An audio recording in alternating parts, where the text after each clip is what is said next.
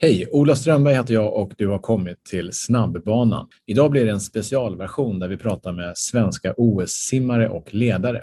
Välkommen! Vi är igång. Eh, välkommen till OS-peppen, en intervjuserie med svenska ledare och simmare inför OS i Tokyo. Nu har vi någon dag kvar till tävlingarna börjar. Eh, Ulrika Sandmark, förbundskapten, vad rör sig i ditt huvud just nu? Oj, det är bara praktiska saker just precis nu. Det är det. Eh, jag sa det eller tänker så här att när jag sätter mig på planen då ska jag börja fokusera på det som jag verkligen ska göra. Men det är otroligt mycket inför resan. Jag har aldrig varit med om något liknande.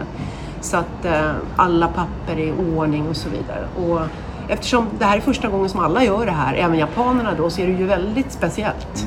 Mm. Är, det. Är, det, är det mer än du hade förväntat dig? Ja, ja, det är mycket, mycket mer än vad jag hade förväntat mig. Ja. Och det kommer saker sent.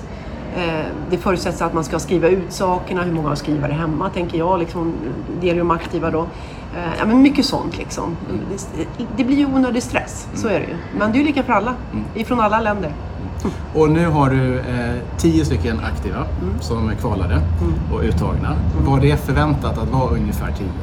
Ja, jag tror att jag har sagt det i några intervjuer, just tio stycken. Och jag hade förväntat mig att Viktor skulle vara med också faktiskt. Så att, det blev ju som jag hade tänkt. Mm. Är, det någon som du känner att den här personen fasen kanske skulle kunnat klara, in, klara av det med lite stolpe in? Ja, alltså någon som jag hade med i min beräkning också tidigt, det var ju faktiskt Adam Pålsson. Mm.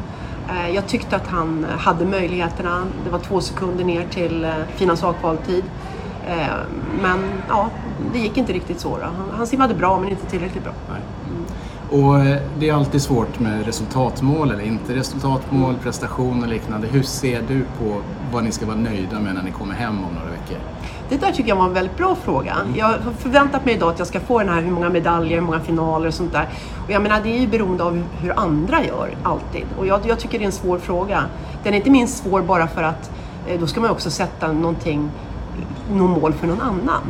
Ehm, jag tänker så här, att halva gänget är nybörjare, inte nybörjare, men de är, det är första gången de är med på ett OS. Mm. Um, så att de är ju där för att se och lära. Men uh, kan de få till några av dem i varje fall en semifinalplats är det fantastiskt. De övriga ska ju simma final då. Men det som man är nöjd med det är ju om de slår personliga rekord såklart. Det är tufft att göra det på ett OS. Men så nära som möjligt ett personligt rekord eller upprepa det man, man har gjort tidigare då. Uh, jag tänker på Sofie till exempel, hon hade ju ett fantastiskt år i år.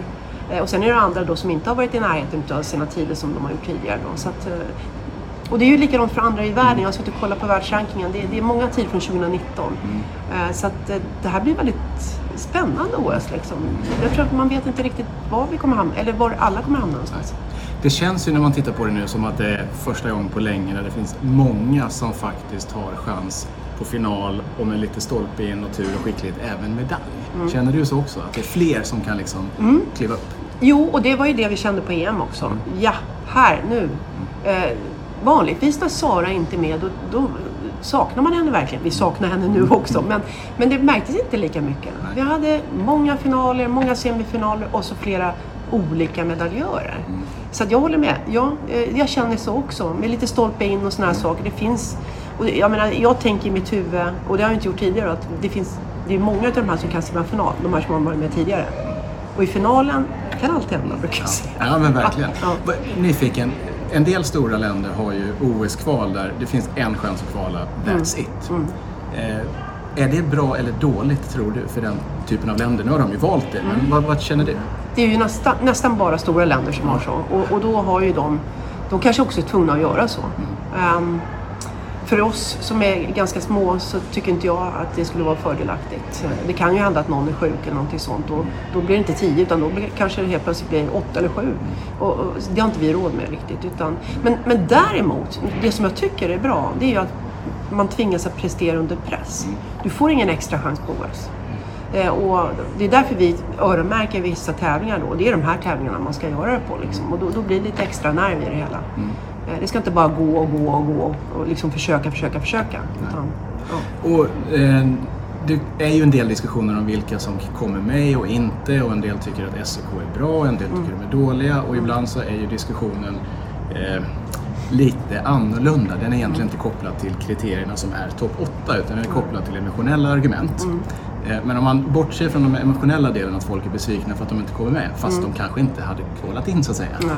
Vad tycker du om topp 8-kriteriet? Är det rimligt och bra? Mm, alltså, jag tänker så här, det har varit mycket diskussion om det. Då. Eh, jag skulle ju gärna ha Finas A-kvaltid. Det bygger någonstans på 16 tid. Eh, det är ju tufft nog. Om vi tittar på den truppen som är här, det finns inga andra simmare som hade kunnat vara här. Det är ingen annan som har klarat Finas A-kvaltid. Eh, så det här är de som liksom har klarat det. Och då menar jag på att då är det tillräckligt tufft. Det är runt tio stycken. Ehm, så att, eh, och en sak som jag tänkt ganska mycket på är det här med lagkapper. Att det hade ju faktiskt varit... Känner man att det finns möjlighet om man som 16 lag kan finnas med, då kanske det tänder lite extra. Va? Och, och det skulle vi behöva. Våra killar låg ju faktiskt rankade 18 i världen, någonting sånt. Det var ju riktigt bra. Mm. Så att, jag menar, om tre år, då är vi där igen. Så att, visst, jag, jag, när några har frågat mig så här, vad tycker du och ska vi inte göra någonting liksom, för det här? Då? då har jag sagt, jo det kan man väl göra, men det gör man efter OS. Inte innan. Jag tycker lägga onödig energi på det nu. Mm. Det är... det är som det är. Vi har ju ändå varit med om det och liksom, vi, när jag säger vi, det är ju faktiskt idrotterna som har varit med och tagit ett beslut om det. Ja. Eh, men jag tycker att man kan föra upp det till diskussion igen. Mm. Tycker jag. Mm. Nej, men jag håller med. Reglerna är som de är. Ja. De kommer inte ändras två veckor innan OS. Nej, nej, nej. Och det är liksom väldigt mycket negativ energi som läggs på de som inte tas ut. Ja. Vi hade ju så 2012 också. Mm.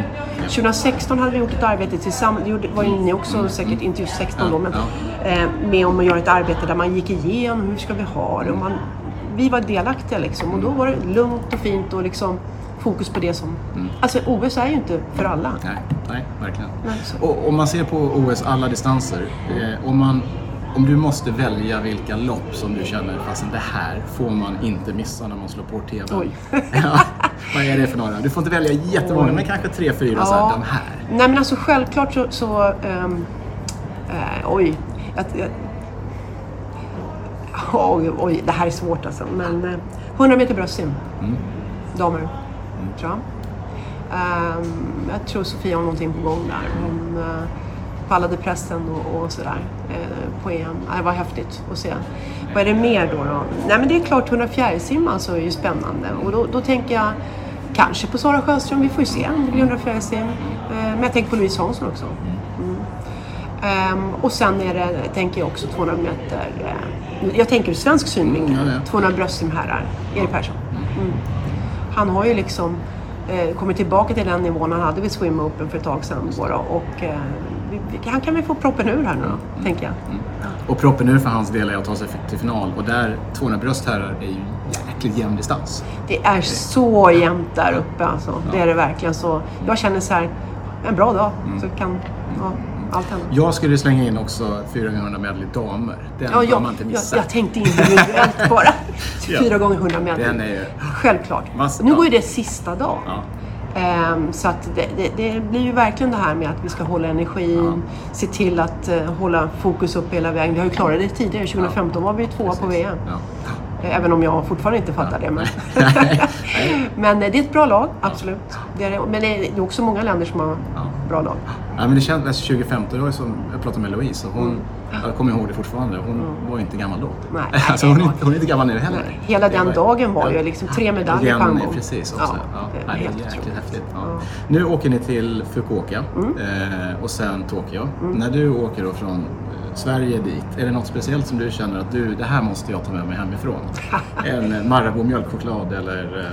Ja, det där har jag ju alltid. Nej, men alltså jag har faktiskt försökt att tänka och hålla igen här nu när jag är borta. Så det ska jag inte ta med mig. Men att ge bort till någon? Ja, ja absolut. Mm. Jag brukar alltid köpa faktiskt Marabou på flygplatsen. Och så har jag med som eh, present. Ja.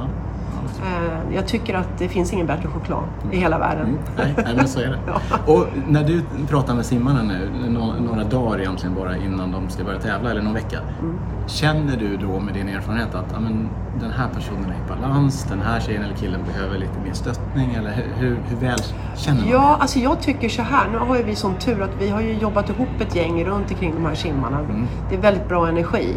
Mm. Nu har vi inte sett som gäng på länge, men det är ju ändå sex stycken som tränar dagligen här nere på Eriksdalsbadet då. Så att över halva gänget är ju väldigt sammansvetsade redan. Så nu gäller det att få in de andra här också.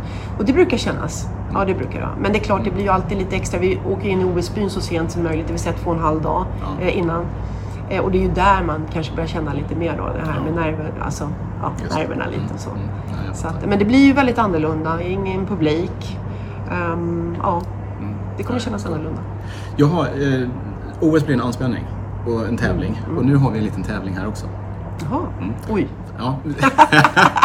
Fem frågor. Den första den, den kan man inte få fel på. Så är en sån där liten, Men sen kan man få sen fel. kan man få fel. Ja. En liten mjukstart så man i alla fall får ett rätt. Ja. Eh, när du åker, eller oavsett var du är för någonstans, vad käkar du helst? Pizza eller sushi? Sushi. Ja, det passar ju bra. Då. Ja. kan du få det på hemmaplan. Ja, men det är nyttigt Ja, också. ja, ja, precis. Men pizza är gott. Ja, pizza är ja. Eh, nästa eh, del som handlar om bilar. Ja. Mm. Eh, vilken av de här bilarna kommer från Japan? Är det Lexus eller Kia? Kia. Det är faktiskt Lexus. Ja, Kia kommer från Korea. Jaha. Men, ja, det ligger nära i alla fall.